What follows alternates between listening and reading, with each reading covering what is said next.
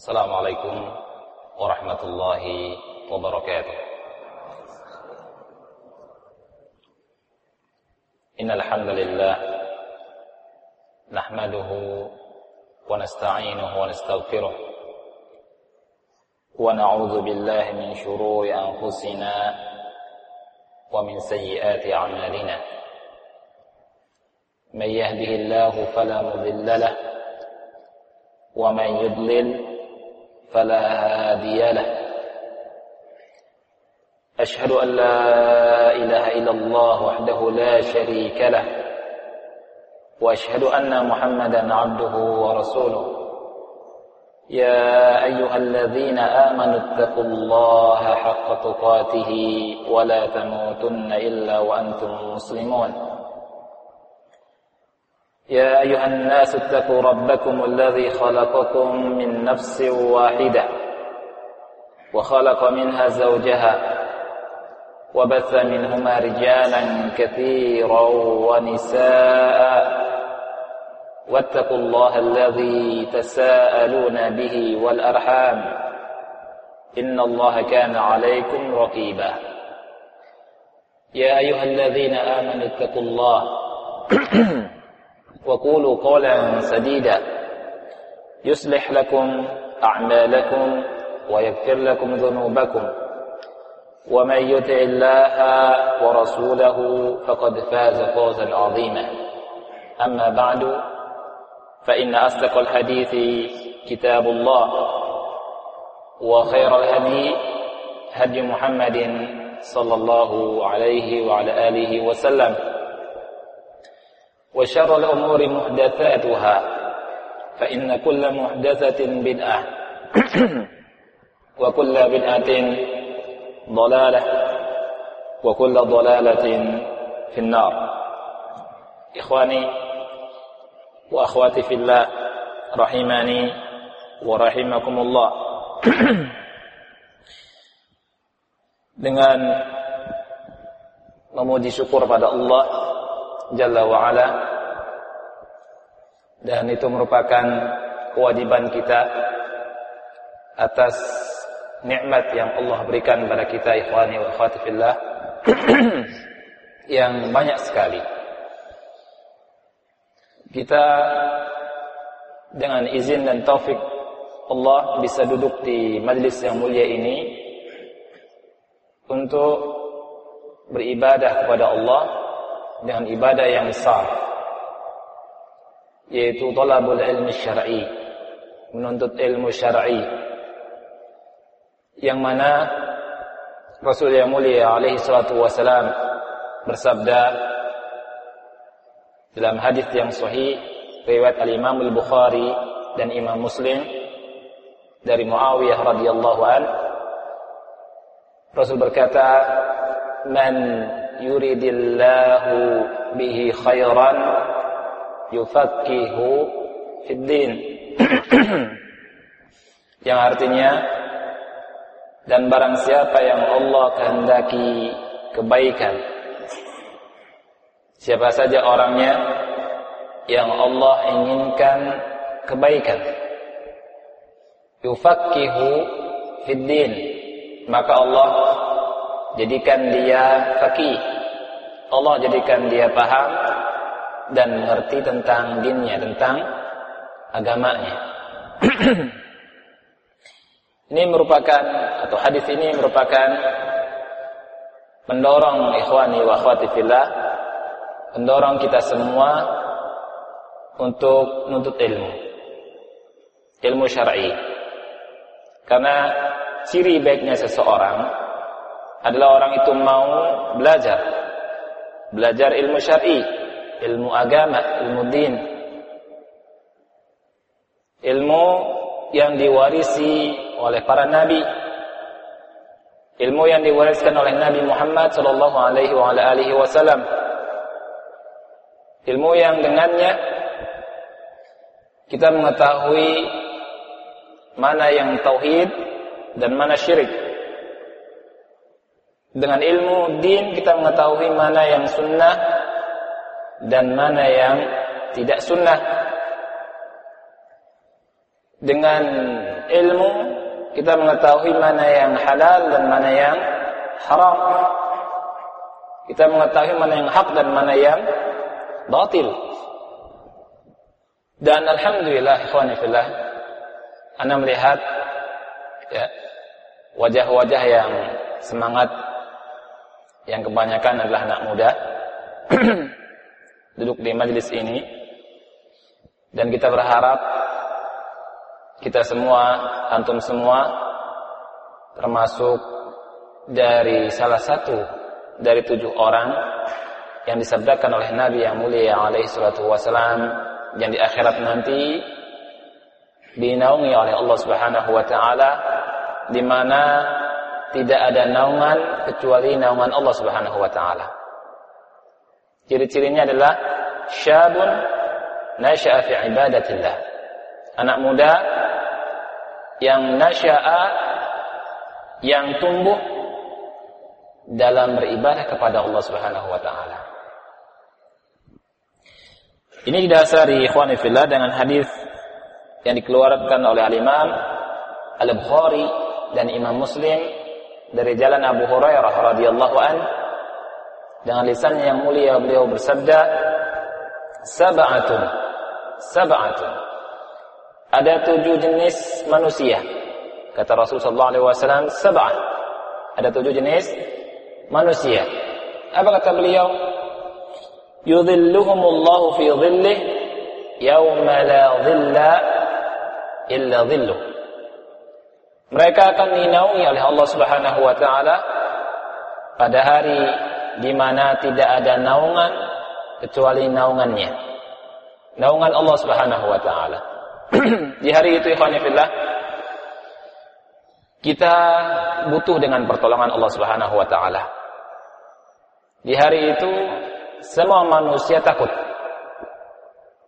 Di hari itu yaitu yaumul akhir, di hari kiamat, harta benda anak-anak kita apa yang kita banggakan di atas muka bumi ini pangkatkah harta bendakah anak-anak atau kelompoknya ini tidak bisa bermanfaat sama sekali. Allah Rasul katakan yudhilluhumullah yauma la dhilla illa dhilluh. Di hari itu tidak ada naungan kecuali naungan Allah Jalla wa ala. Siapa mereka itu ikhwani fillah? Mereka itu kata Rasul yang mulia alaihi wasalam yang pertama imamun adlun. Imam yang adil. Pemimpin yang adil. Yang kedua, wasyabun nasya'a fi ibadatillah dan anak muda hidup tumbuh dalam beribadah kepada Allah Subhanahu wa taala. Anak muda yang hidup tumbuh dalam beribadah kepada Allah Subhanahu wa taala, taat kepada Allah Jalla wa ala. Kemudian wa rajulun mu'allaqun qalbuhu fil masajid yang ketiga. Seorang yang hatinya tergantung kepada masjid, selalu rindu dengan masjid. Kemudian yang keempat, wa rajulani tahabba fillah ijtama'a alaihi wa tafarraqa alaihi. Dua orang yang saling mencinta karena Allah bertemu dan berpisahnya karena Allah Subhanahu wa taala. Kemudian wa rajulun da'athum ra'atun dzatu mansibin wa jamal. Seseorang yang digoda dipanggil-panggil oleh wanita yang wanitanya kata Rasul zatu mansib wa. Punya kedudukan juga bukan wanita yang jelek, tapi wanita yang cantik. Ini dia berkata faqala inni akhafullah. Aku takut kepada Allah. Yang keenam, wa rajulun tasaddaqa bi sadaqatin fa akhfaha hatta la ta'lama shimaluhu ma tunfiqu yaminu seseorang yang bersedekah dengan sebuah sedekah kemudian dia sembunyikan sehingga tangan kirinya tidak mengetahui tangan kanannya yang berinfak yang ketujuh, wa rajulun zakarallahu khaliyan fafadat ainahu. Seseorang yang berzikir kepada Allah, mengingat Allah di waktu sendiri kemudian menangis, meneteskan air mata. Bukan bukan pamer ya. Pameran tangisan. Tapi sendiri ya sendiri kemudian mengingat Allah takut kepada Allah kemudian menangis ya bukan nangis bareng-bareng tapi kata Rasul apa? Sendiri. Ya. Jadi rajulun dzakarallahu khalian. Khalian ini artinya apa? Sendiri. Fafadat aina. Kemudian menangis. Menangis ikhwan. Ini dianjurkan. Kalau tumbuh dan muncul karena apa? Takut kepada Allah Subhanahu wa taala.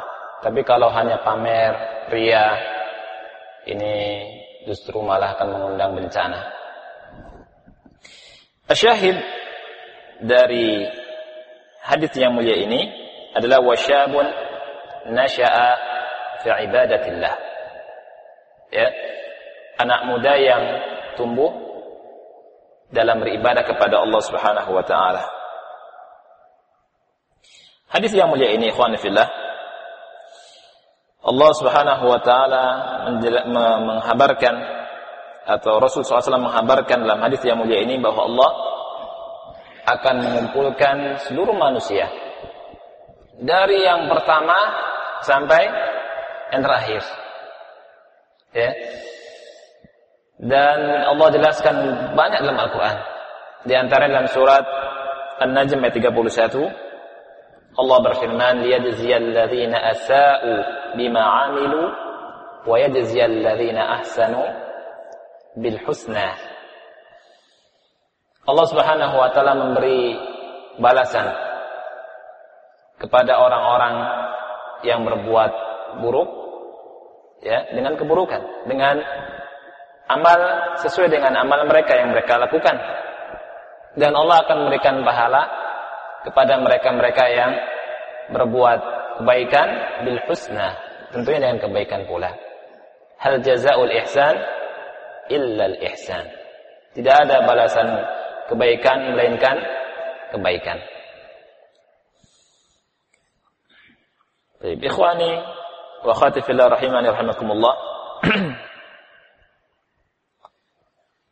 Tentang apa yang akan kita bahas di sini adalah tentang uh, usia muda ya. Usia lagi semangat-semangatnya. Usia lagi uh, kata orang lagi apa ya? Ya semangat-semangatnya, lagi kuat-kuatnya. Seusia antum ini. Hmm. Oleh karena itu merugilah kalau waktu muda ini dihabiskan buat sia-sia, buat main-main, buat jalan-jalan, buat santai-santai, ya. Dia akan merugi dan sengsara di dunia dan di akhirat. Tapi berbahagialah bagi anak muda yang betul-betul ya menjadikan waktunya ini apa? Menjadikan waktunya diisi dengan kebaikan, kebaikan dan kebaikan.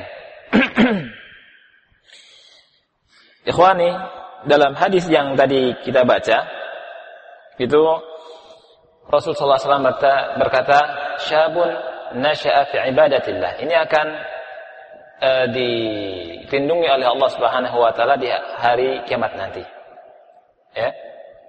Karena apa? Karena anak muda ini betul-betul mengisi waktunya dengan ibadah dia tahu bahwa Allah ciptakan dia bukan untuk main-main. Dia tahu makna firman Allah Subhanahu wa taala, "Afahasibtum annama khalaqnakum abatha wa annakum ilaina la turja'un?" Apakah kalian mengira bahwasanya kami ciptakan kalian main-main dan kalian tidak dikembalikan kepada kami? Dan dia pun tahu makna firman Allah Subhanahu wa taala, "Wa ma khalaqtul jinna wal insa illa liya'budun." Tidaklah aku menciptakan jin dan manusia melainkan apa? Melainkan agar mereka beribadah kepadaku, kata Allah Subhanahu wa taala. Istimewanya ikhwan fillah, ketika anak muda itu nafsu syahwat tinggi, ya kan? Kemudian bebas. Kemudian dia memfokuskan dan betul-betul menjaga dirinya dengan beribadah kepada Allah Subhanahu wa taala, maka Allah berikan pahala yang istimewa. Pahala istimewa seperti ini. Allah akan jaga dia di akhirat nanti. Dan di dunia juga. Rasul yang mulia, ikhwan fillah, telah memberikan wasiat kepada kita dalam hadis yang dikeluarkan oleh Imam Hakim. Kata beliau, hadis ini ma'ruf ya. Sering kita dengar. Rasul katakan, "Igtanim khamsan qabla khamsin. Iktanim khamsan qabla khamsin. Gunakan waktu yang lima sebelum datangnya yang lima. Ini hadis sahih. Iktanimin dari kata ghanimah. Jadikan dia seperti apa? Ghanimah. Seperti ghanimah. Karena waktu itu ikhwan filah, waktu itu adalah ra'sul mal kata ulama. Rasul mal. Waktu adalah harta kita, modal kita. Ya. Modal kita jangan sampai modal kita ini ikhwan fillah itu tersia-siakan. Kata Rasul sallallahu alaihi wasallam, "Iktanim khamsan qabla khamsin." Gunakan waktu yang lima sebelum datang waktu yang lima. Apa itu? Kata Rasul, "Syababaka qabla haramik." waktu mudamu sebelum waktu tuamu. Dan betul ikhwani. Waktu muda otot masih kuat. Ya. Rambutnya masih hitam, ya kan? Gigi utuh. Suruh gigit ini apa namanya? Es batu kuat itu. Tapi kalau udah tua, gigit patah semua giginya. Ya kan? Kuat dari badannya kuat, pikirannya kuat, kuat semua dari semua hal. Gunakan waktu kuatmu ini, waktu syabab ini, ya. Kata Rasulullah SAW, gunakan buat kebaikan. Sebelum datangnya apa? Waktu tua. Berapa banyak ikhwan fillah orang yang uh, menyesal. menyesal. Karena menyesal itu apa?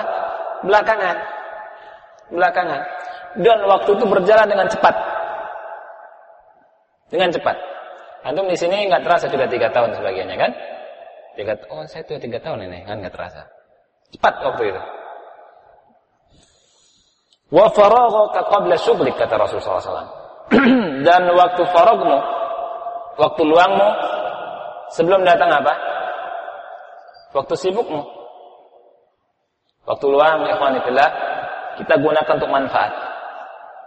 Untuk kebaikan isi dengan semua kebaikan. Wa faraghak qabla syughlik. Kemudian wa hayataka qabla mautik. Wa hayataka qabla mautik. Dan waktu kamu masih hidup sebelum meninggal. Karena kalau sudah meninggal kata Rasul yang mulia alaihi wasallam idza mata ibnu adam inqata'a amaluhu illa min thalath. Kalau anak Adam meninggal maka terputus amalnya kecuali tiga hal. Amal terputus. Oleh karena itu Rasulullah SAW katakan, gunakan waktu hidup. Ya. Kemudian wasihataka qabla sukmik atau saqamik. Waktu sehatmu sebelum waktu sakitmu. Dan yang terakhir, waghinaka qabla fakrik. Dan waktu kayamu sebelum apa? sebelum waktu miskin, sebelum datangnya waktu miskin. Karena dunia berputar ini, fillah. Kemudian dan dalam hadis Abdullah bin Mas'ud radhiyallahu an Nabi yang mulia alaihi salatu wasallam pernah bersabda ikhwani fillah kata Rasul la tazulu qadama 'abdin yaumal qiyamati min 'indi rabbih hatta yus'ala an khamsin Tidaklah bergeser dua kaki seorang hamba pada hari kiamat di sisi Allah hatta yus'al sampai ditanya tentang lima perkara. Di antara tentang umurnya, kemudian tentang syababnya, al-syababihi fi ma'blah, dihabiskan untuk apa waktu muda kita ini. Ini akan ditanya oleh Allah Subhanahu wa taala. Kita semua akan ditanya oleh Allah Subhanahu wa taala waktu muda kita ini digunakan untuk apa? Ya. Kemudian wa an malihi tentang hartanya Kata Rasul min aina tasabah wa fima anfaqah. Dari mana dia peroleh, ke mana dia infakkan. Apakah dari hasil yang haram atau dari yang halal?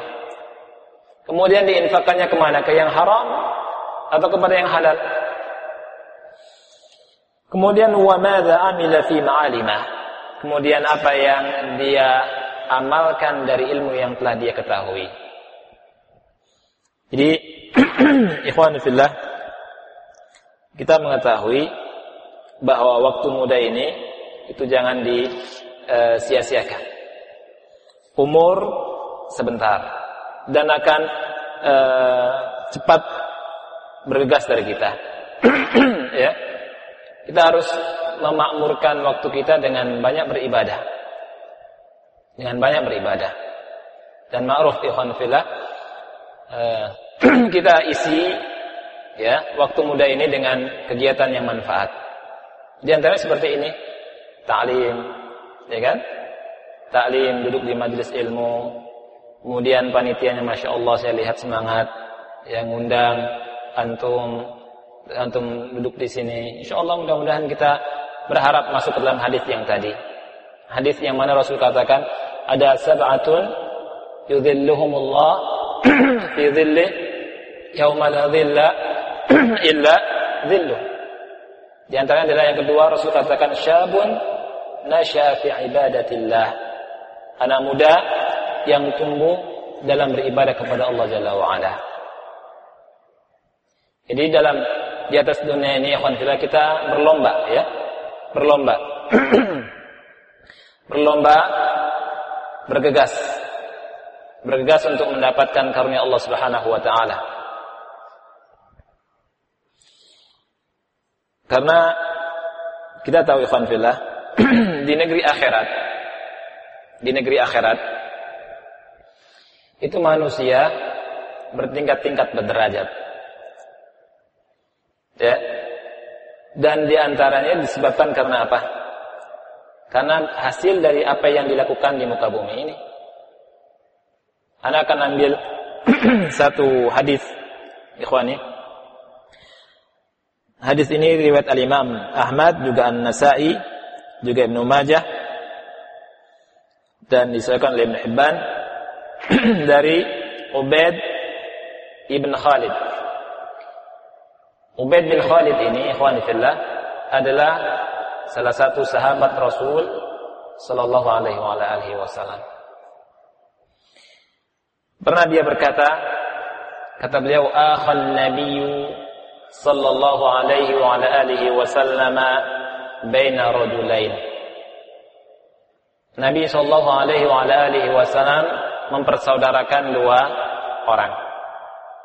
Nabi sallallahu alaihi wasallam mempersaudarakan dua orang. Jadi satu sama lain dipertemukan oleh Rasulullah jadi apa? Saudara. Ternyata kata beliau, fastushhida ahaduhuma. Fastushhida ahaduhuma. Salah satu dari kedua orang ini meninggal duluan dan mati syahid, berperang, bertempur jalan Allah, kemudian meninggal. Fastushhida, mati syahid. Wa baqiyal akharu ba'dahu aman dan saudaranya yang lain masih hidup sampai satu tahun berikutnya. Umurnya lebih panjang yang mana? Ternyata masih hidup ya. Ini Ustaz nanyanya Ya tentunya yang sisa tadi kan Perbedaannya berapa lama ikhwan? Satu tahun Satu tahun Kemudian Summa mata Kemudian saudaranya yang terlambat meninggal ini Meninggal Fattaba'na janazatahu maka kita mengiringi jenazahnya. Ini sunnah. Kita iringi jenazahnya. Kita iringi dari belakang atau depan? Kita iringi ya. dan mengiringi jenazah tidak dengan suara dan tidak dengan apa pun. Ya. Artinya tidak dengan siulan, tidak dengan suara, tidak dengan zikir apa pun. Wa ma'ana Nabiullah sallallahu alaihi wasallam dan bersama kami Nabiullah yaitu Nabi Muhammad sallallahu alaihi wa alihi wasallam. Nabi Muhammad sallallahu alaihi wa alihi wasallam. Di tengah-tengah kami kata tadi kata Ubaid ibn Khalid. Faj'alana atau faj'alna nad'u wa narghabu ilaihi an yulhiqahu bisahibih. Maka kita pun berdoa kepada Allah, kita inginkan saudaranya ini diikutkan dengan yang mati duluan, yaitu siapa? Yang tadi mati syahid. Faqala Nabi sallallahu alaihi wa alihi wasallam. Nabi wasallam bertanya kepada mereka, kepada para sahabat, "Ayyuhuma ta'udduna afdal?" Siapa di antara keduanya yang kalian anggap lebih utama? Apakah yang mati syahid atau yang mati belakangan satu tahun setelah itu? Ya. Fakulna maka kami menjawab Allahu wa rasuluhu a'lam. Allah dan Rasul yang lebih tahu. Thumma kulna setelah itu kami berkata Asy-syahidu afdaluhuma. Wahai Nabi, yang paling afdal atau yang paling utama dari dua orang ini adalah yang mana? Yang mati syahid. Atau yang duluan mati. Yang duluan mati. Faqala an-nabiy sallallahu alaihi wa alihi wasallam maka Nabi sallallahu alaihi wa alihi wasallam bersabda Ala ta'udduna li hadha fadilatah salatahu wa amalahu ba'da amalihi lima bainahuma ab'ad mimma bainas sama'i wal ard. Subhanallah. Tidakkah kalian menganggap orang yang satu ini punya keutamaan? Dia punya solat dan dia punya amalan. Setelah amalan orang yang pertama meninggal itu kata Rasul sallallahu alaihi wasallam. Dan amalannya itu perbedaannya kata Rasul itu seperti antara langit dan bumi. Subhanallah. Kata Rasul, orang yang kedua lebih afdal. Orang yang kedua lebih afdal. Dalam riwayat yang lain, dalam riwayat yang lain, ikhwan fillah, Rasul katakan, "Alaysa qad adraka Ramadan wa shamah?"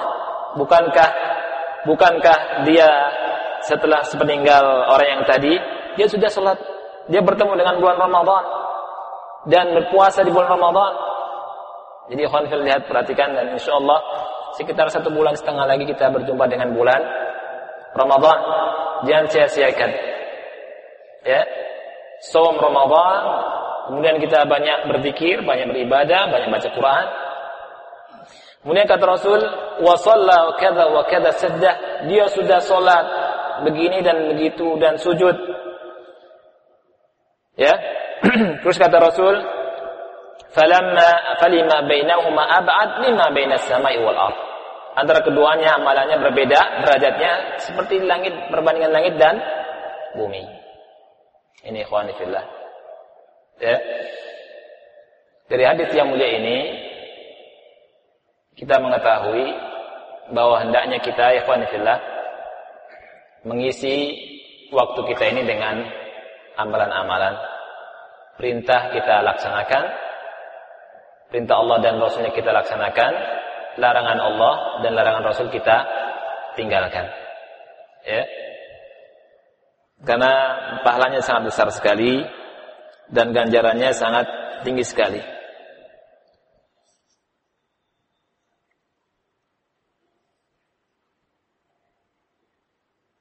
Isi waktu dengan banyak nuntut ilmu. Dan hadis ini juga dengan hadis ini ikhwan fillah saya nasihatkan untuk diri saya sendiri dan anak-anak muda ya. Lihat bahwa mati syahid itu ternyata sesuatu yang tinggi tapi bukan sesuatu yang lebih tinggi daripada yang lainnya. Bisa dipahami. Karena sebagian orang, sebagian kelompok ikhwan fillah, ya, sebagian orang, kalau anda bisa katakan orang stres, itu yang penting jihad, yang penting apa? Mati syahid. Yang penting meninggal di jalan Allah. Tapi tanpa ilmu. Berapa banyak ikhwan fillah anak-anak muda korban dari dakwahnya orang-orang khawarij takfiri yang mana mereka antum ya mau jihad lawan Amerika lawan orang-orang Australia dikasih bom ayo bom bunuh diri nanti mati syahid la haula wala quwata illa billah Ya akhi. Pertama, jihadnya jihadnya ini kata ulama belum dikatakan jihad. Ya kan? Artinya maksudnya apa? Jihadnya tidak sesuai dengan syariat syar'i. Yang kedua, yang kedua, matinya mati apa? Dia bunuh diri soalnya. Ya kan? Bunuh diri. Dan dari hadis yang mulia ini, yang namanya hidup itu sangat berharga di atas muka bumi ini. Hidup sangat berharga. Dengan hidup kita bisa beramal. Beramal banyak. Ketika bertemu dengan puasa, kita puasa. Ramadan. Merugilah orang yang tergesa-gesa. Lihat, Rasulullah SAW ketika bertanya kepada para sahabat, Ayyuhuma ta'uduna afdal? Siapa dari keduanya yang kalian anggap lebih utama? Mereka para sahabat berkata, yang syahid ya Rasul, yang syahid wahai Nabi. Apa kata Rasul? Apa kata Rasul wasallam? Kalian tidak menganggap keutamaan beliau yang dia miliki.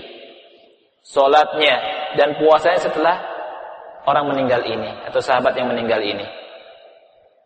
Dia telah berjumpa dengan bulan Ramadan dan itu kata Rasul pahalanya perbandingannya antara langit dan bumi.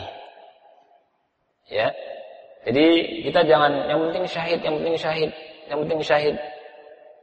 Tapi justru malah merusak lebih baik daripada memperbaiki. Nah ini. Dan bagi anak-anak muda ikhwan fillah, anak katakan dalam majlis yang mulia ini juga hati-hati dari dakwah yang sempalan, dakwahnya khawarij, dakwah dakwahnya takfiri ya yang mendakwahi anak-anak muda tanpa ilmu. Tanpa ilmu. Kemudian tidak bertanggung jawab mereka. Guru-gurunya nggak ada yang tanggung jawab. Anak mudanya suruh mati dianya sembunyi. Ya kan anak-anak mudanya suruh ngebom dianya apa lari Alat mudanya suruh berpengantin kata mereka. Ya. Dianya enak-enak semuanya semuanya. Tidak benar ini. Terus juga tanpa ilmu. Ya.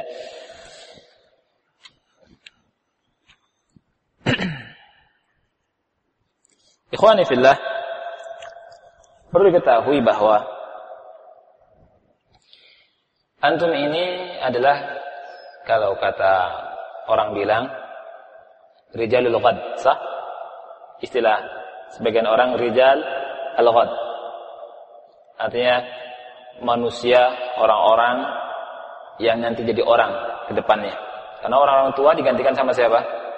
Sama antum semua. Dan umat ini, ikhwanifillah, umat umat kita itu imadnya, tiangnya adalah antum semua.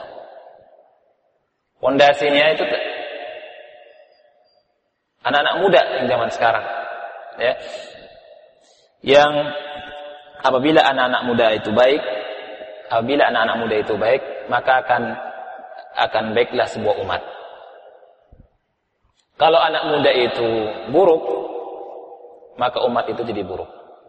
Oleh karena itu hati-hati, fillah. Di mana-mana perseteruan antara yang hak dan yang batil. Indonesia ini oleh orang-orang yang tidak bertanggung jawab, anak-anak mudanya ingin di apa namanya? dijauhkan dari al-haq. Kemudian suruh bersantai-santai, berleha-leha. Nah, kalau misalkan anak muda kena narkoba semua, jadi apa? Umat ini. Kalau anak mudanya yang penting sukanya nonton bola, nonton bola, ya, kemudian tawuran, mau jadi apa nanti? Yang kaya yang mainnya, yang babak belur, yang nontonnya.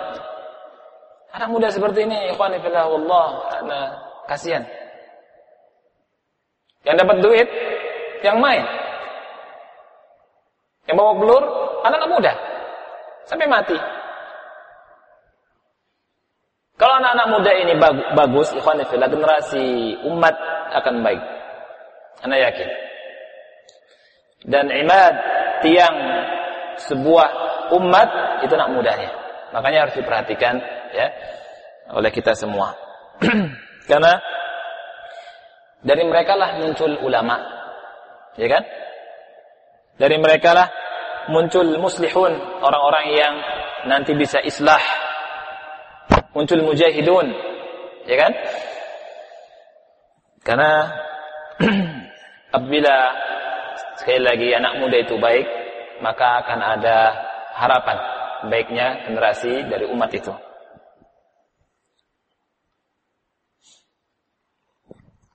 Dan banyak sekali ikhwan fillah e, contoh ya contoh dari kalangan sahabat Rasul Shallallahu Alaihi Wasallam itu ternyata bukan orang-orang tua yang mendakwakan Islam yang berjihad. Antum kenal eh, seorang yang bernama Usama bin Zaid. Usama bin Zaid. ya. Usama bin Zaid itu ketika umur 17 eh, tahun ikhwanillah itu ditugasi untuk memimpin pasukan untuk masuki kota Syam. Itu umurnya berapa? 17 tahun. Atas perintah dari Rasulullah Sallallahu Alaihi Wasallam. Dan anak-anak muda ini membuat mengukir sejarah banyak sekali. Dan Allah memuji anak-anak muda, anak-anak muda ada dalam surah Al-Kahfi khusus. Ya, apa kata Allah? Innahum fityatun amanu bi rabbihim wa zidnahum huda. Kata Allah. Sesungguhnya mereka adalah fityatun, anak-anak muda. Syabab yang amanu bi rabbihim, yang beriman kepada Rabb mereka. Wazidnahum huda dan kami tambahkan hidayah kepada mereka. Di saat umat manusia yang film menyembah berhala, tujuh tujuh apa?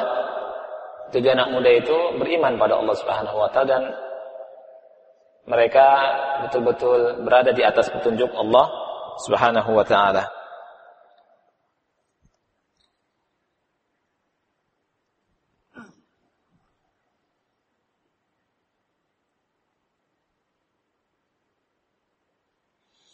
Uh, ada pemberitahuan dari satpam minta tolong mobil peserta atau panitia yang diparkir di tikungan gedung G. Gedung G apa gedung 6? G ya. Gedung G mohon untuk dipindahkan ke samping gedung G atau samping bis. Ya, terima kasih.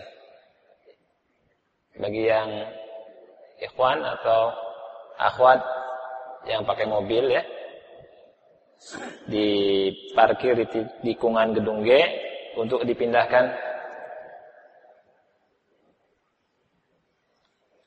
Segera ya. Barangkali ada ini apa namanya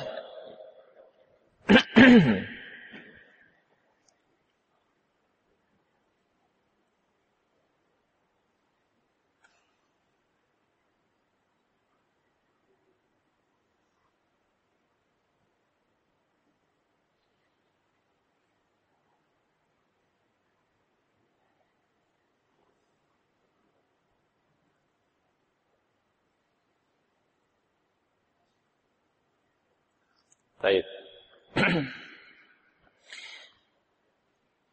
Saya ulangi lagi, Ikhwan. Jadi yang punya apa? Mobil segera ya. Baik. Ikhwan fillah.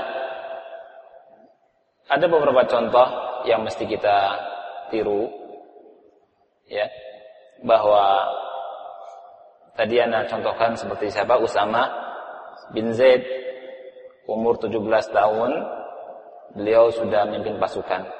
Padahal di tengah-tengah mereka ada para sahabat yang kibar.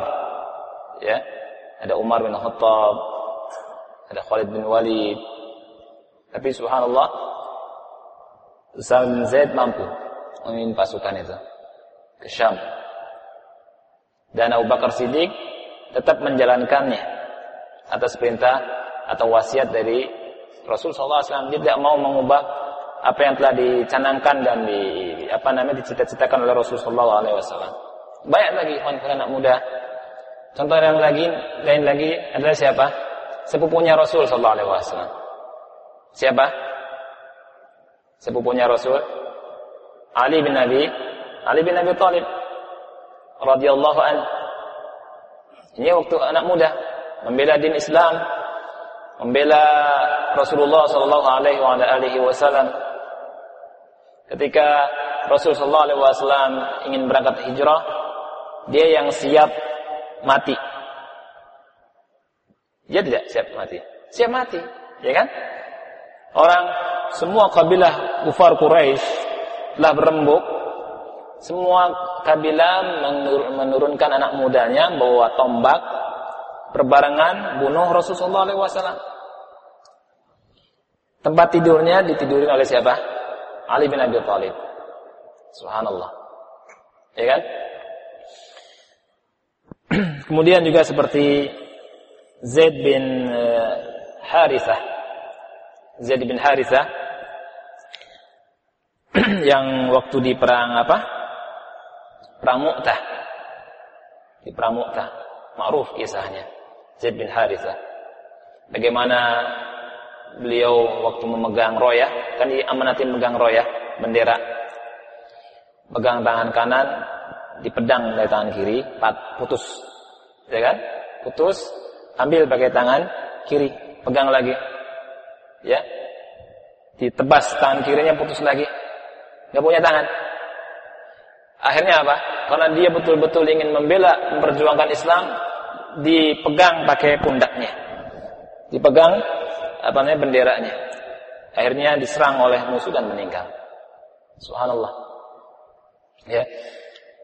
Ini ikhwan fillah anak-anak muda yang dijanjikan oleh Rasul sallallahu alaihi wasallam sab'atun yudhilluhumullahu fi dhillihi yauma la dhilla illa dhilluh. Ada tujuh jenis manusia kata Rasul sallallahu alaihi wasallam yang akan dinaungi oleh Allah Subhanahu wa taala di hari di mana tidak ada naungan kecuali naungannya Rasul sallallahu alaihi wa alihi wasallam. Di antaranya apa? Syabun nasya'a fi ibadatillah. Seorang anak muda yang hidup dalam beribadah kepada Allah Subhanahu wa taala.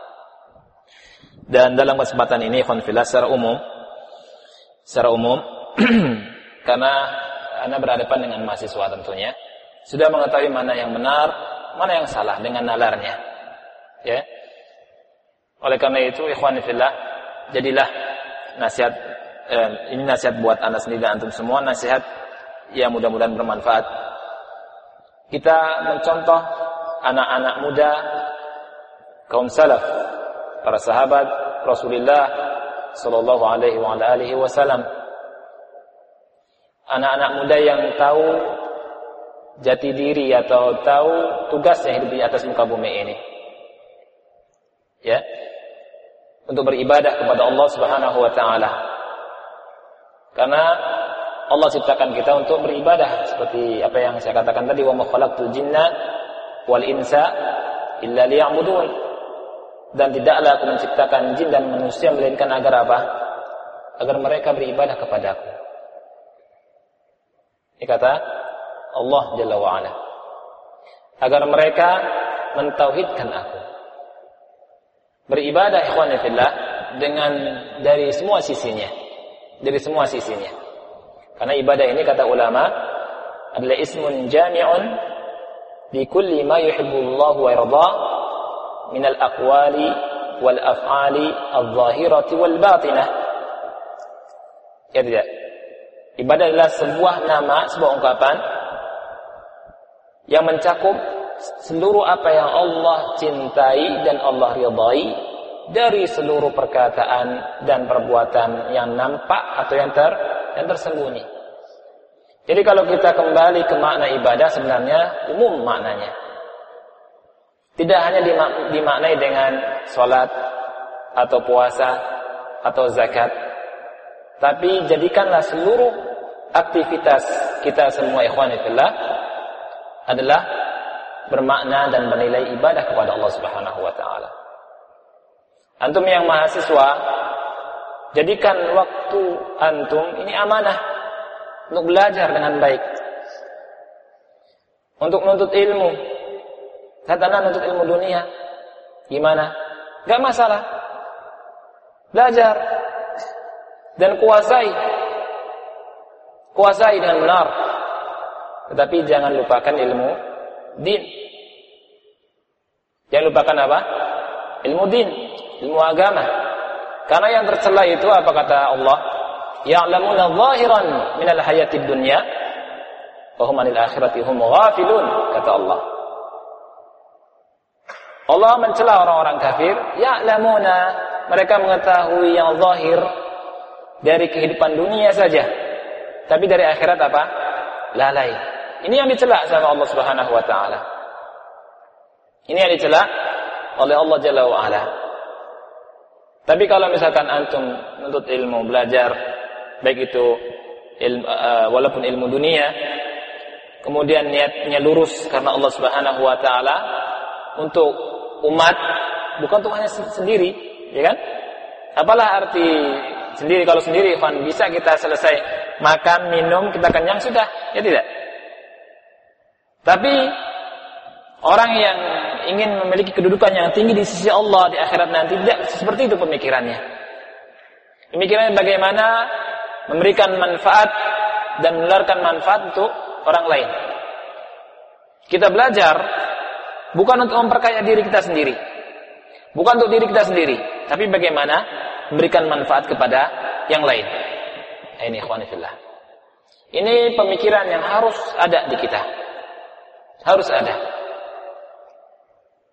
Perbaiki diri kita. Ya. Dan isi waktu-waktu kita dengan baik. Ketika ditugaskan untuk apa namanya kuliah, kuliah dengan baik. Belajar, belajar dengan baik. Ya. Tugasnya selesaikan dengan baik. Itu bagian daripada ibadah. Kalau kita niatkannya karena karena hal itu. Karena Allah Subhanahu wa taala. Jadi nilai kita nggak hampa. Tidak hampa. Ya. Tidak hampa. Dan terus juga acara-acara seperti ini Ikhwan ini acara yang sangat bagus sekali, sangat baik sekali. Sangat-sangat bermanfaat insyaallah buat menyirami rohani kita. Karena rohani kita ini butuh makanan, Makanannya adalah apa? Ilmu. Ilmu yang didasari dengan Al-Quran dan sunnah Nabi yang mulia alaihi salatu wassalam. Dan saya minta maaf karena mungkin tidak berlama-lama ngisi di sini, ya. Dan apa yang ana sampaikan, ana kira mudah-mudahan bisa dipahami, ya. Beberapa hadis dan sebelumnya ayat-ayat Allah Subhanahu wa taala yang mengingatkan kita kemudian contoh dari generasi sahabat ridwanullah alaihim ajmain. Jadi tentunya ikhwan fillah kita isi waktu kita. Saya ingatkan dengan sebuah hadis Nabi sallallahu alaihi wasallam. Di sini sahih Rasul bersabda, "Ni'matani magbunun fihima katsirun minan nas as-sihhatu wal faragh." Kata Rasul ada dua nikmat. Ada dua nikmat yang magbunun. Magbun. Magbun ini kalau bahasa Arab, kalau kita berbicara bisnis bahasa Arab, dari kata goben. Goben. Goben ini ikhwan fillah adalah tertipu dalam transaksi jual beli. Bagaimana bentuknya? Bentuknya gini. Antum beli barang itu di atas jauh di atas harganya. Itu goben. Misalkan di sendal Sendal itu harganya mestinya uh, mestinya misalkan sepuluh ribu. Antum karena tertarik nggak lihat-lihat dulu, itu dikasih tawar sama yang jual, ini sendal bagus loh, ini seratus ribu, kan gitu. Antum beli tanpa pikir lagi, nah, tertipu nggak? Tertipu. Padahal harganya sepuluh ribu, sepuluh ribu. Tapi antum keluarkan 100 ribu. Rugi berapa? 90 ribu. Rasulullah SAW mengungkap, mengungkapkan hal ini dengan ruben. Ada dua nikmat yang besar yang manusia tertipu. Tertipunya apa? Membayar dengan kenikmatan yang besar ini dengan harga yang sedikit ikhwanifillah. Eh, dengan barang yang sedikit. Yaitu sehat dan waktu luang. Waktu sehat, waktu sehat ini ikhwanillah, ini waktu yang sangat-sangat berharga sekali. Sangat-sangat berharga sekali. Ketika waktu sehatnya dan waktu luangnya hanya digunakan untuk main-main, hanya digunakan untuk jalan-jalan, hanya digunakan untuk ngobrol-ngobrol, hanya digunakan untuk nongkrong-nongkrong. Ini dia telah membeli sesuatu yang tidak ada harganya dengan sesuatu yang sangat-sangat berharga sekali. Ya. Kalau orang apa namanya? Kalau orang barat bilang eh, waktu adalah apa? Waktu adalah uang, kan gitu.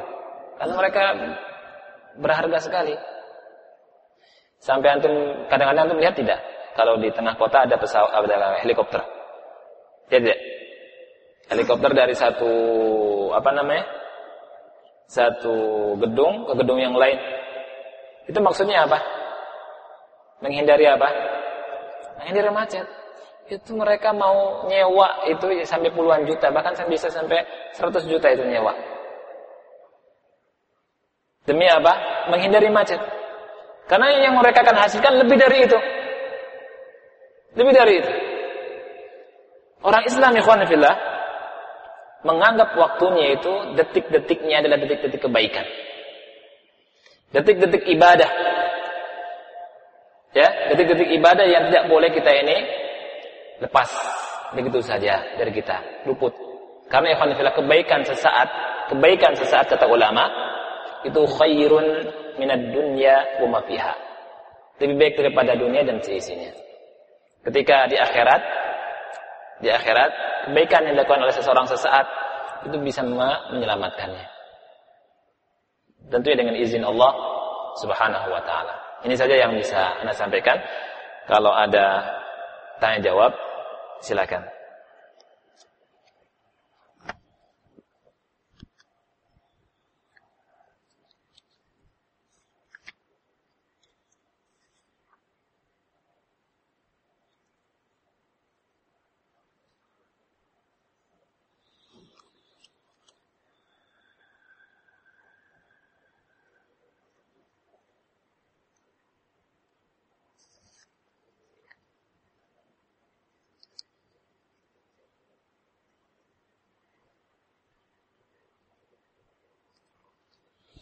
Ustaz, tolong nasihatnya. Apakah jika sudah tahu ilmu namun tidak berani menyampaikan kebenaran dikarenakan takut atau mudarat yang besar ya dikarenakan takut atau mudarat yang besar eh, apakah berdosa? Jawabannya tentunya tidak. Kita ikhwanifillah memang dianjurkan untuk ilmu dan harus semangat harus semangat seperti para sahabat Rasulullah SAW ya itu nuntut ilmunya luar biasa. Sampai uh, tadi pagi anak kisahkan satu sahabat Jabir bin Abdullah pergi dari Madinah ke mana? Ke Syam. Ke Syam. Itu kata beliau sirtu ilaihi syahran. Saya berjalan dari Madinah ke Syam berapa? Satu bulan.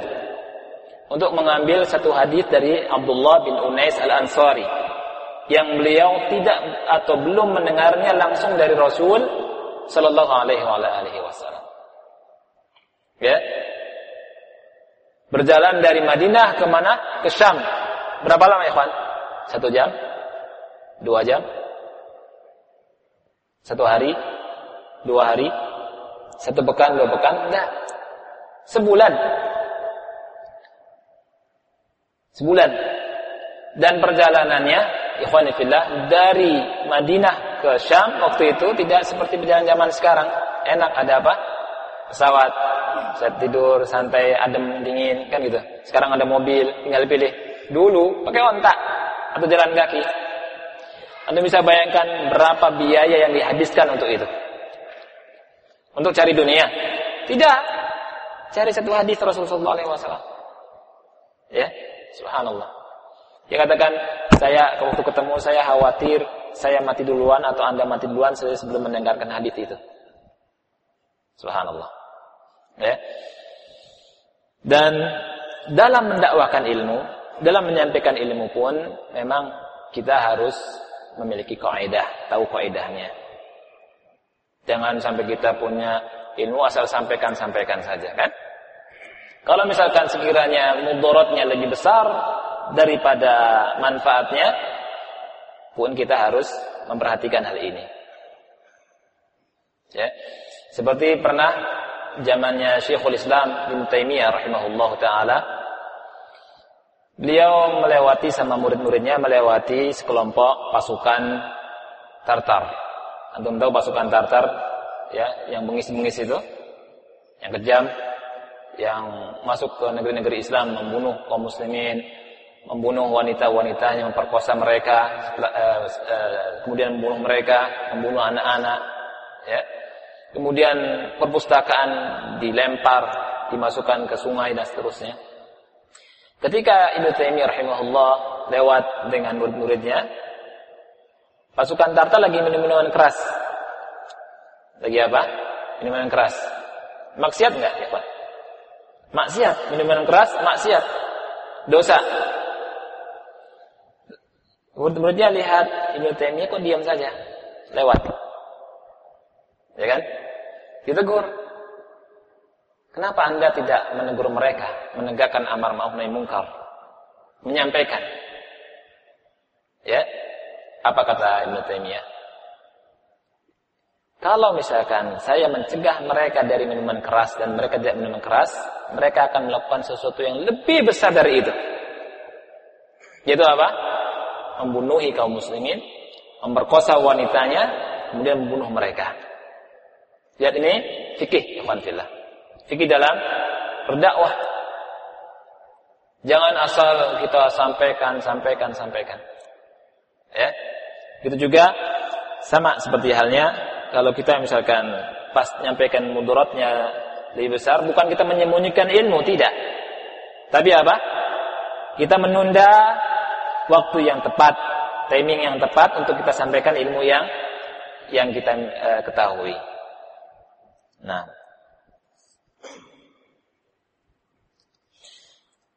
Assalamualaikum Ustadz Apakah berdosa Jika kita melihat banyak kemungkaran di kampus Misalnya pacaran sementara kita diam karena belum mampu menasehati. Bagaimana cara menasehatinya Ustaz? Pacaran ini bukan di kampus saja. Di kampus dan di luar kampus banyak. Ya. Nah, tapi mungkin di kampus lebih banyak. Atau enggak? Mudah-mudahan tidak ya. Baik. Kita tentunya diperintahkan oleh Allah Subhanahu wa taala ketika berdakwah kita lihat contoh Allah berfirman kepada siapa? Nabi Musa ya ketika Allah katakan idhaba ila fir'aun innahu tawa. Wahai Musa dan Harun pergi ke Firaun karena dia melampaui batas. Faqula lahu qawlan layyina la'allahu yatadhakkar atau yakhsha. Katakan suara yang atau dengan perkataan yang lemah lembut mudah-mudahan dia bisa apa bisa yatadhakkar mengambil pelajaran dan takut pertanyaannya Allah tahu nggak ikhwan filah kalau Fir'aun itu tidak akan beriman? Tahu. Ya, tapi tetap Allah Subhanahu wa taala memerintahkan Musa untuk berdakwah, kemudian dakwanya dengan perkataan yang lemah, yang lemah lembut. Tidak ada manusia yang paling bejat, yang paling jahat di atas muka bumi ini kalau dibandingkan dengan Firaun. Dia tetap Ya.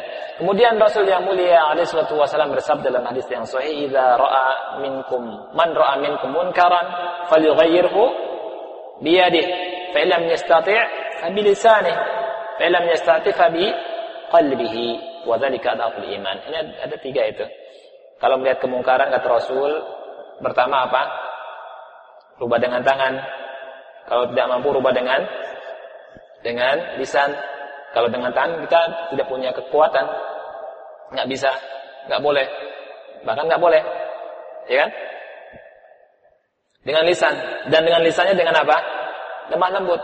Kemudian tidak di muka umum. Misalkan eh, satu saat misalkan dia lagi sendiri atau nasihati, wahai saudaraku, eh, itu nggak boleh. Pokoknya dengan cara yang kira-kira tidak uh, terasa, kemudian dia nerima. Nah, begitu. Ya. Kalau misalkan nggak berani juga, dengan apa? Dengan hati. Dengan hati. Kan di sini ada ada mading, ya nggak? Mading. Tulis di mading hukum pacaran. Sama gitu kan? Adakah pacaran Islami? Ya tidak. Nah, ini orang penasaran tuh. Ada nggak pacaran Islami? Hmm. Nah, itu. Pacaran itu boleh nggak? Coba tanya. Pacaran boleh nggak? Nggak boleh. Ya kan? Orang duduk berduaan saja laki-laki wanita, ya, itu nggak boleh. Duduk dem dempet kan gitu. Gimana pegangan tangan, kemudian sampai lebih dari itu. Walayyadubillah. Ya. Jadi kalau misalkan bisa nasihati, nasihati dengan baik. Tapi kalau bisa empat mata. Bukan kalau bisa dan memang seperti itu.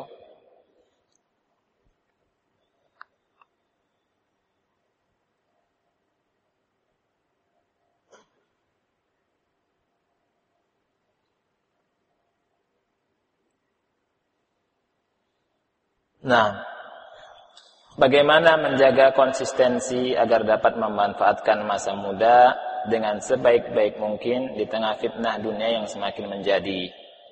Ya. Memang ujian. Pertama kita harus tahu bahwa dunia ini darul ibtila, tempat ujian. Ya. Bahwa kita akan diuji oleh Allah Subhanahu wa taala. Allah menciptakan kita ifan untuk diuji. Inna khalaqnal insana min nutfatin amsyajin nabtalik. Kita kata Allah kami ciptakan manusia dari nutfah yang bercampur dengan air wanita. Apa kata Allah? Nabtali untuk diuji. Dan Allah akan melihat amal kalian. Dan bertahan di atas amal kebaikan di musim atau di zaman uh, fitnah semacam ini, ikhwanifillah, itu sangat besar sekali. Dan pahalanya besar. Pahalanya besar. Baik. Dan menjaganya tentunya ulama banyak memberikan nasihat ya, di antaranya adalah eh, yang paling besar dengan menuntut ilmu. Kemudian sering membaca Al-Qur'anul Karim. Baca Al-Qur'anul Karim. Dekat dengan Al-Qur'anul Karim. Kemudian cari teman-teman yang soleh. Cari teman-teman yang soleh dan solehah. Nah ini. Jangan sembarangan bergaul. Jangan sembarangan bergaul. Kita kenal sama orang boleh. Kenal sama siapa pun boleh. Tapi menjadikan sahabat ya, itu harus lihat-lihat. Menjadikan sahabat harus lihat-lihat. Jadi bergaulnya mesti bergaul dengan teman yang baik. Berapa banyak ikhwan fillah wanita yang dulunya rajin sholat jadi enggak sholat. Laki-laki yang dulunya rajin sholat jadi enggak sholat. Berapa banyak wanita yang dulunya pakai jilbab salah bergaul jadi tidak pakai jilbab. Ya. Dan seterusnya. Jadi bergaul ini sangat penting sekali diperhatikan oleh kita. Bahkan saya yakin orang tua antum pun, orang tua antum di rumah hati-hati bergaul ya, kan gitu.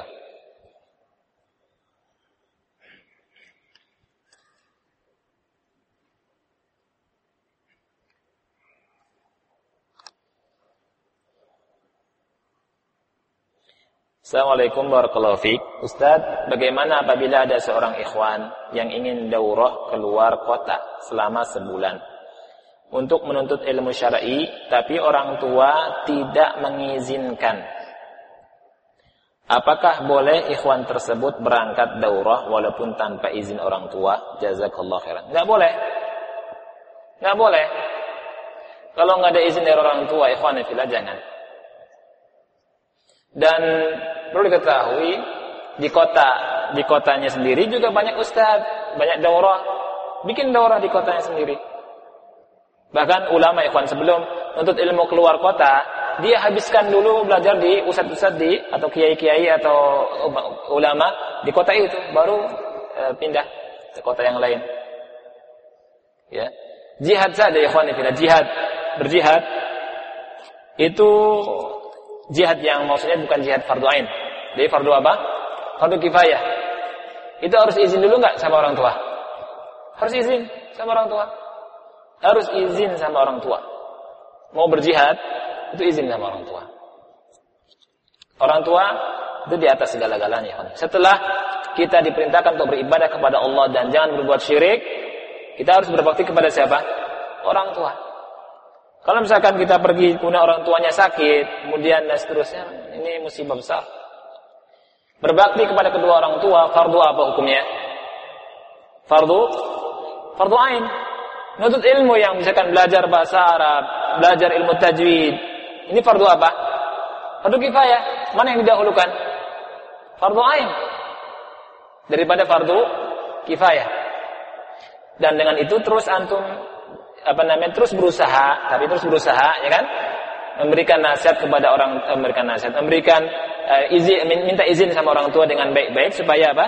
Supaya diizinkan oleh orang tua, supaya bisa berangkat ikut daurah. Itu saya kira tidak ada yang menghalangi. Orang tua insya Allah kalau misalnya lihat antum nurut dan seterusnya, insya Allah anak yakin diizinkan.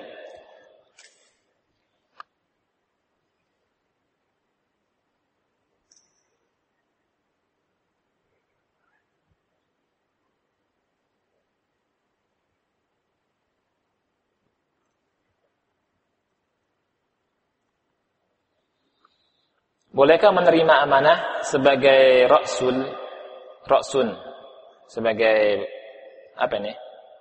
Ketua kali ya?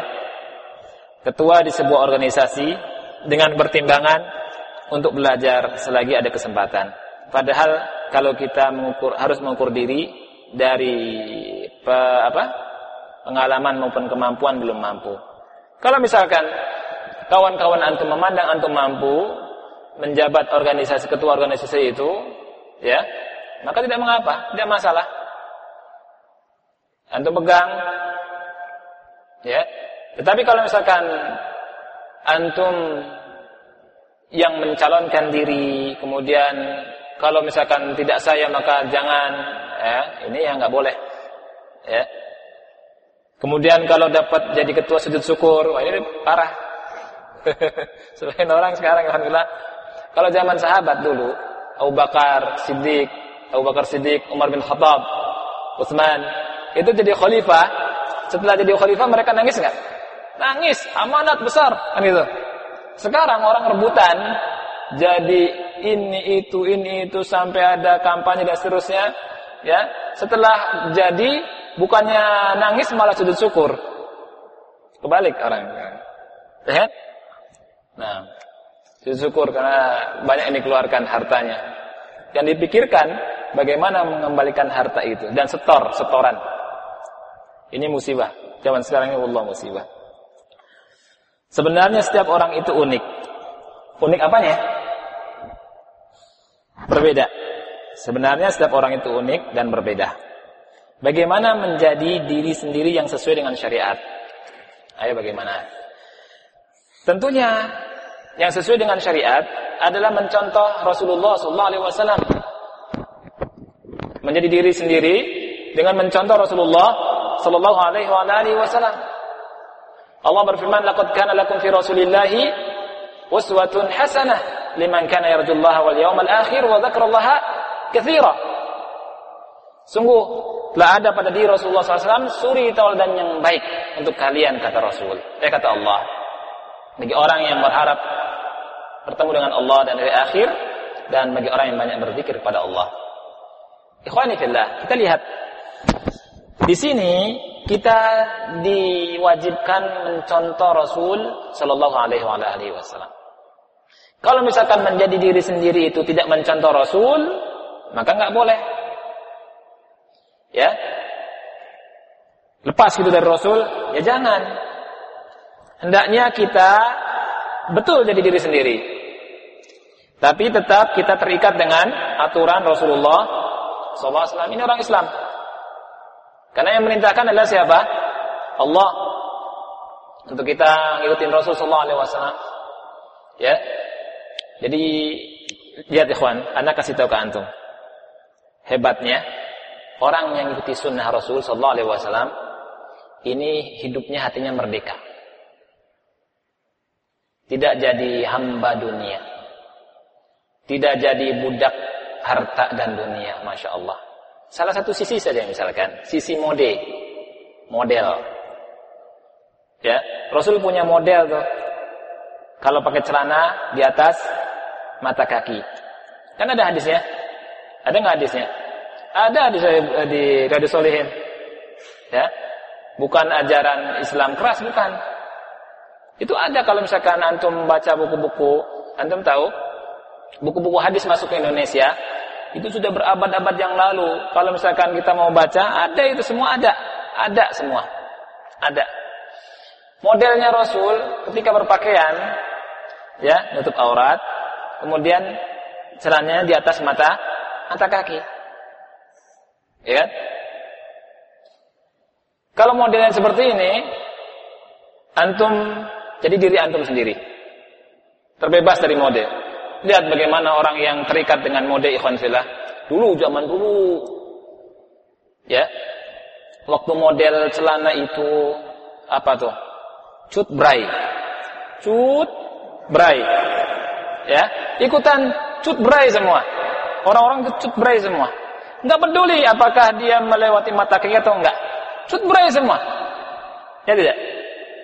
Ada lagi mode yang ketika artisnya modenya cut-cut. Ya, ciut-ciut, berketat. Ikutan berketat semua. Ya tidak? Ketika modelnya itu bray cut. Apa bray cut? Begi ya? Bray, kemudian cut. Ikutan semua bray cut.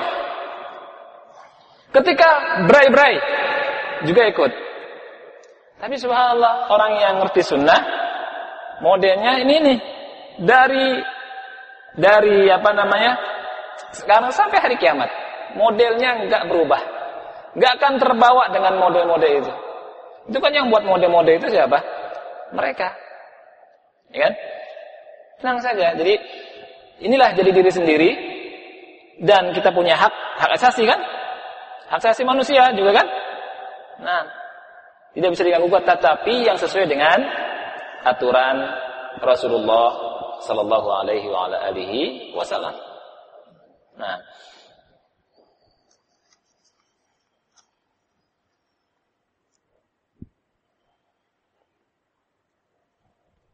Assalamualaikum Ustaz. Bagaimana hukum merokok? Tolong jelaskan. Anak awam. Baik Rokok Yang benar adalah hukumnya haram Rokok Yang benar hukumnya haram Allah berfirman Wala tulku biaidikum Ilat tahlukah Janganlah engkau melemparkan diri kalian kepada kebinasaan Allah berfirman seperti itu. Rasul yang mulia alaihi wasallam bersabda la darara wala wala dirar. Tidak ada kemudaratan atau membuat orang mudarat. Ya. Kemudian dari dunia para dokter saya tanya kepada ikhwani fillah. Dokter mengatakan rokok itu bermanfaat atau berbahaya? Ayo ikhwan. Hah? Berbahaya. Kalau berbahaya masuk ke dalam yang tadi, ayat tadi dan hadis tadi. Kalau kita masuk ke rumah sakit, kalau kita masuk ke rumah sakit, itu anak pas masuk ngeri tuh lihat ada apa namanya penyakit-penyakit karena sebab rokok. Ya tidak. Itu ya. Ya kan umur kan di tangan Allah kata mereka gitu. Ya kan? Orang rokok kadang-kadang umurnya panjang kan gitu. Ini orang ngomong asal-asalan. Enggak usah dianggap.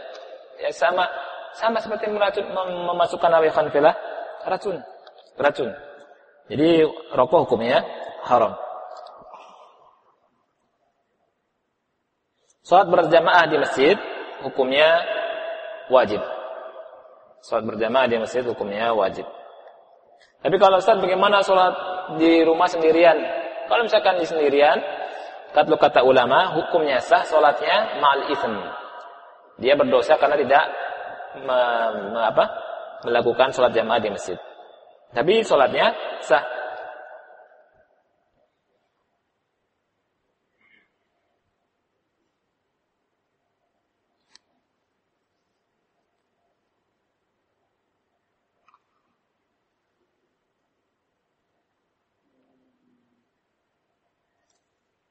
Ustaz, tolong dijelaskan mengenai golongan yang dapat naungan dari Allah.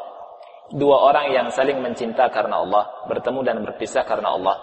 Apakah itu kepada istri atau sesama muslim, ikhwan atau akhwat? Kalau ikhwan sama akhwat jangan, ini pacaran. Ini umum hadisnya. Hadisnya umum. Tidak dibatasi suami istri saja, tidak dibatasi ikhwan akhwat saja, Maksudnya eh, tidak bersih ikhwan sama ikhwan atau akhwat sama akhwat saja, tapi umum, mencakup orang yang memiliki sifat ini. Ya, kalau antum bersahabat dengan yang lain karena Allah, ya, bertemu, berpisah, berkumpul, berpisah karena Allah, ini akan dinaungi oleh Allah Subhanahu wa taala.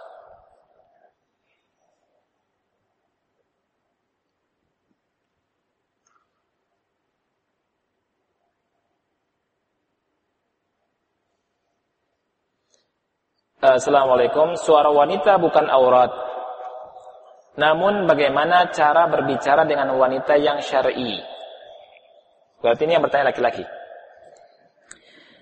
Bagaimana menjaga pergaulan atau pertemanan dengan teman-teman di kampus yang berbeda jenis? Innal insana ala nafsihi basirah. Sesungguhnya seseorang itu mengetahui tentang dirinya sendiri. Ya.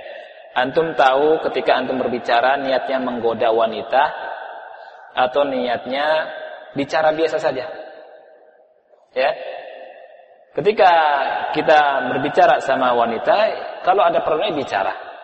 Kalau tidak ada perlunya maka jangan jangan bicara. Ya. Ini nanti akan timbul apa? Fitnah.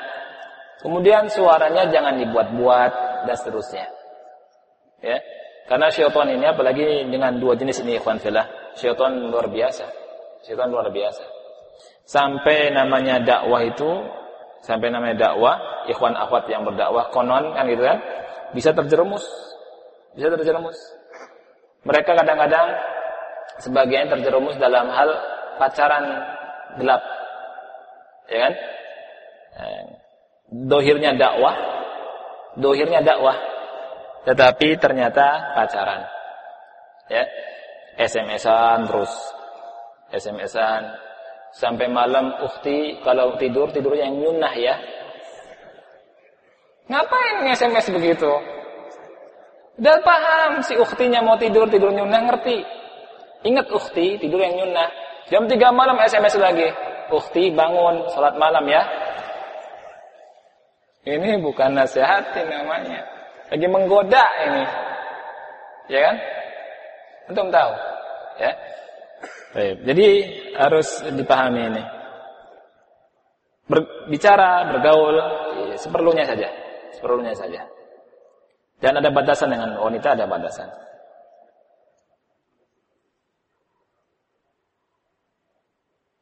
Apakah ada keutamaan wanita yang tidak dimiliki oleh laki-laki? Banyak keutamaan wanita yang tidak dimiliki oleh laki-laki. Hamil, mengandung.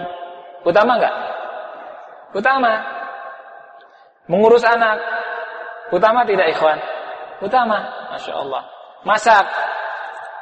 Utama tidak? Itu utama. Keutamaan yang sangat besar sekali.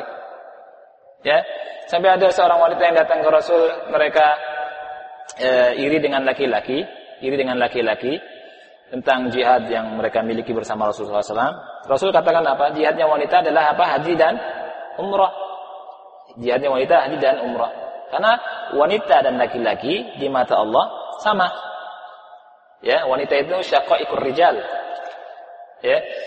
Jadi keutamaan wanita banyak sekali. Begitu juga keutamaan laki-laki di atas wanita. Jadi banyak sekali.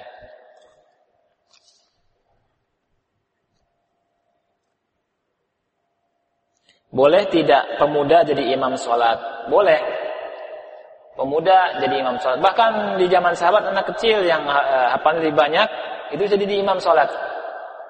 Dengan syarat bacaannya benar. Bacaannya fasih. Ya. Ini boleh dan dia berhak jadi imam sholat.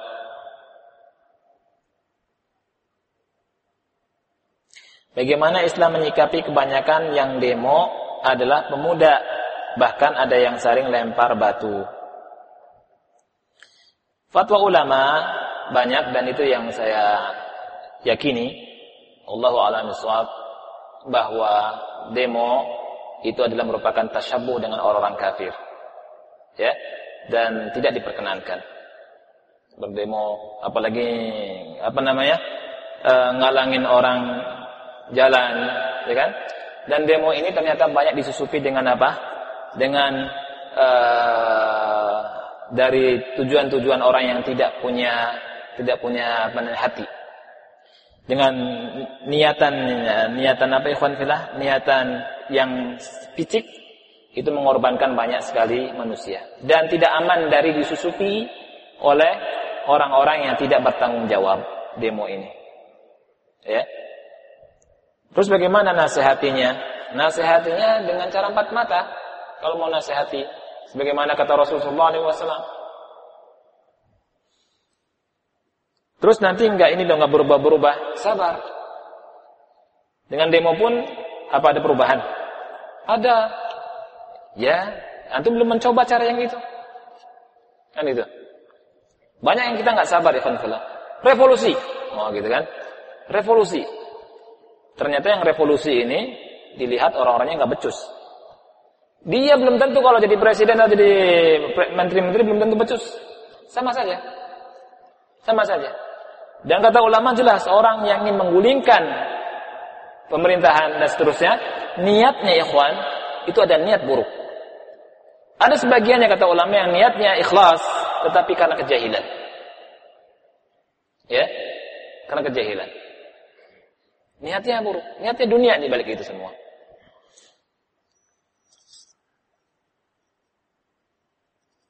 Siapakah yang salah sekarang masih ada tawuran anak sekolah dan bahkan ada mahasiswa. Anda tidak bisa menyalahkan siapa-siapa ini.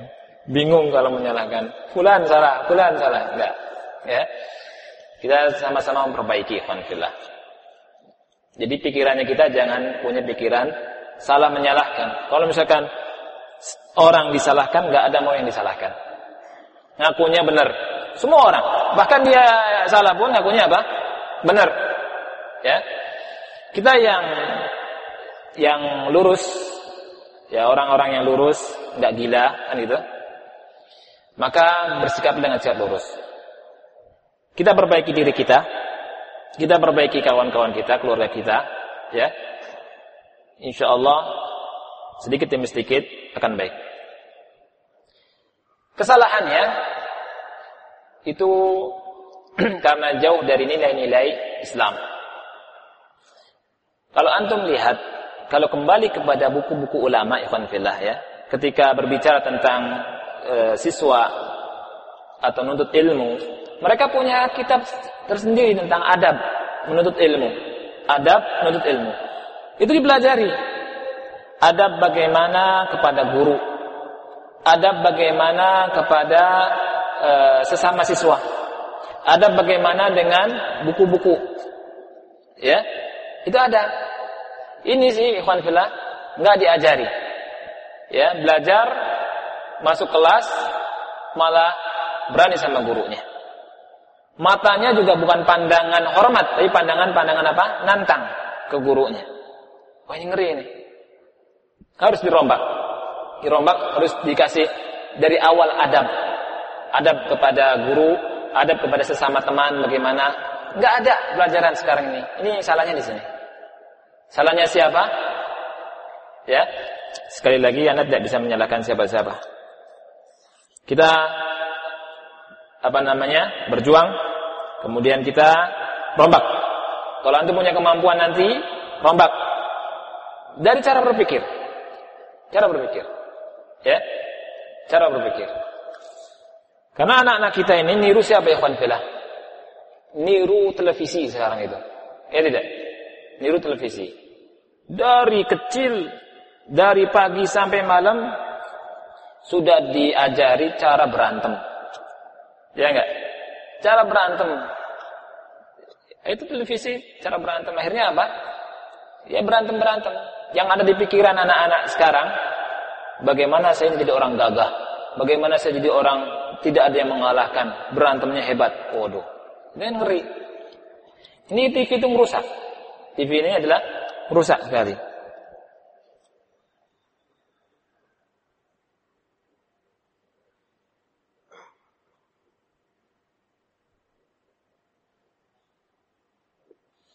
Bagaimana kita sikapi dengan teknologi semisal smartphone?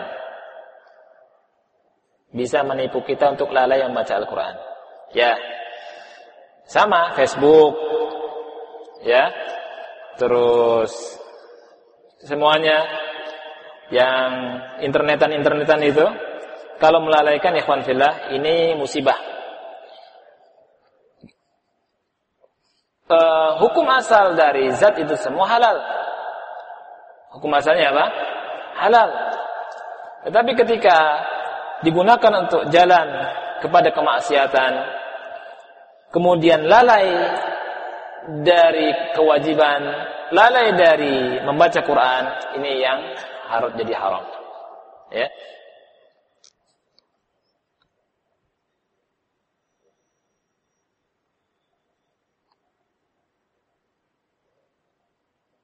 Ustaz, jikalau Ustadz dikasih. Kok jikalau ya? Jikalau Ustadz dikasih kesempatan untuk kembali hidup di umur 20 tahunan. Apa saja yang akan Ustadz lakukan? Hal-hal apa saja yang menjadi prioritas Ustadz? Syukuran. Ya. Kalau pribadi anak itu adalah mengikonkan hafalan Quran.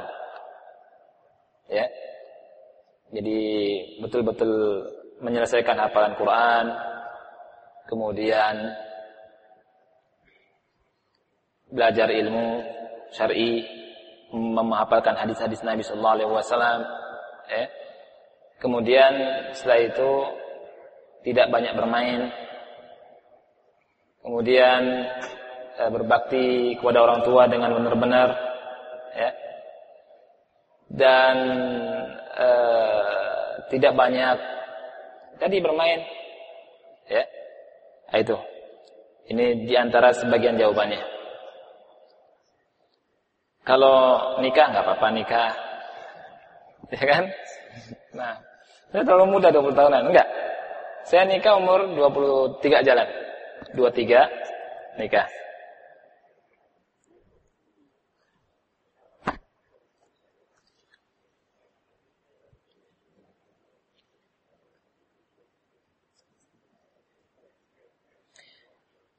Ustadz terkait dengan rokok, bagaimana dengan orang yang punya penyakit darah tinggi, gula dan sejenisnya, kemudian makan makanan seperti daging dan sejenisnya, yang mengandung kolesterol tinggi, eh, kolesterol tinggi dan bisa menambah penyakitnya.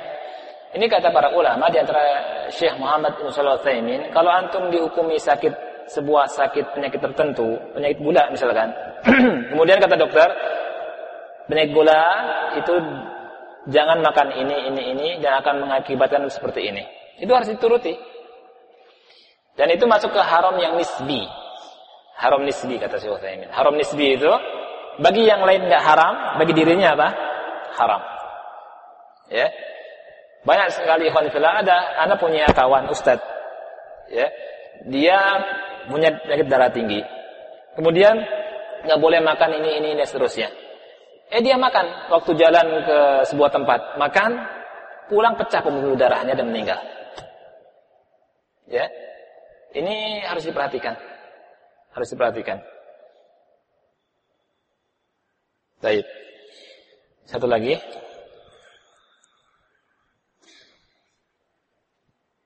Nah, saya kira cukup ya. Ini saja ya fillah, mudah-mudahan sedikit bermanfaat. Ya, apabila ada penyampaian yang kurang berkenan, saya minta maaf dan tentunya kurang berkenan banyak, ya. Tapi ana hanya sekedar berusaha untuk menasehati diri ana sendiri dan antum semua untuk sama-sama memanfaatkan waktu, untuk sama-sama mengisi hari-hari kita dengan kebaikan. Apalagi banyak di antara antum yang masih muda, ya, isi waktu-waktu antum dengan kebaikan. Tugasnya selesaikan, di luar tugas antum bisa baca Quran, menghafal Quran. Karena banyak sekali. Anak punya kawan dulu di ITB. Dia kuliah di ITB di Bandung. Itu hafal Quran setelah selesai dari situ. Hafal Quran, masya Allah. Di waktu sore, di waktu apa namanya leng, luang, dia apa namanya menghafal Quran. Itu bisa dilakukan. Masya Allah. Selesai kuliah, selesai Qurannya. Selesai kuliah, selesai Qurannya. Kemudian masuk ke Libya. Masuk ke Libya, pindah ke Saudi, ngambil S2. Masya Allah. Ya, itu banyak. Dan banyak. Jadi gunakan waktunya sebaik-baik mungkin untuk kita untuk kebaikan kita di intinya di akhirat dan juga di dunia. Saya akhiri subhanakallahumma bihamdika asyhadu an la ilaha illa anta astaghfiruka wa atubu ilaik. Wassalamualaikum warahmatullahi wabarakatuh.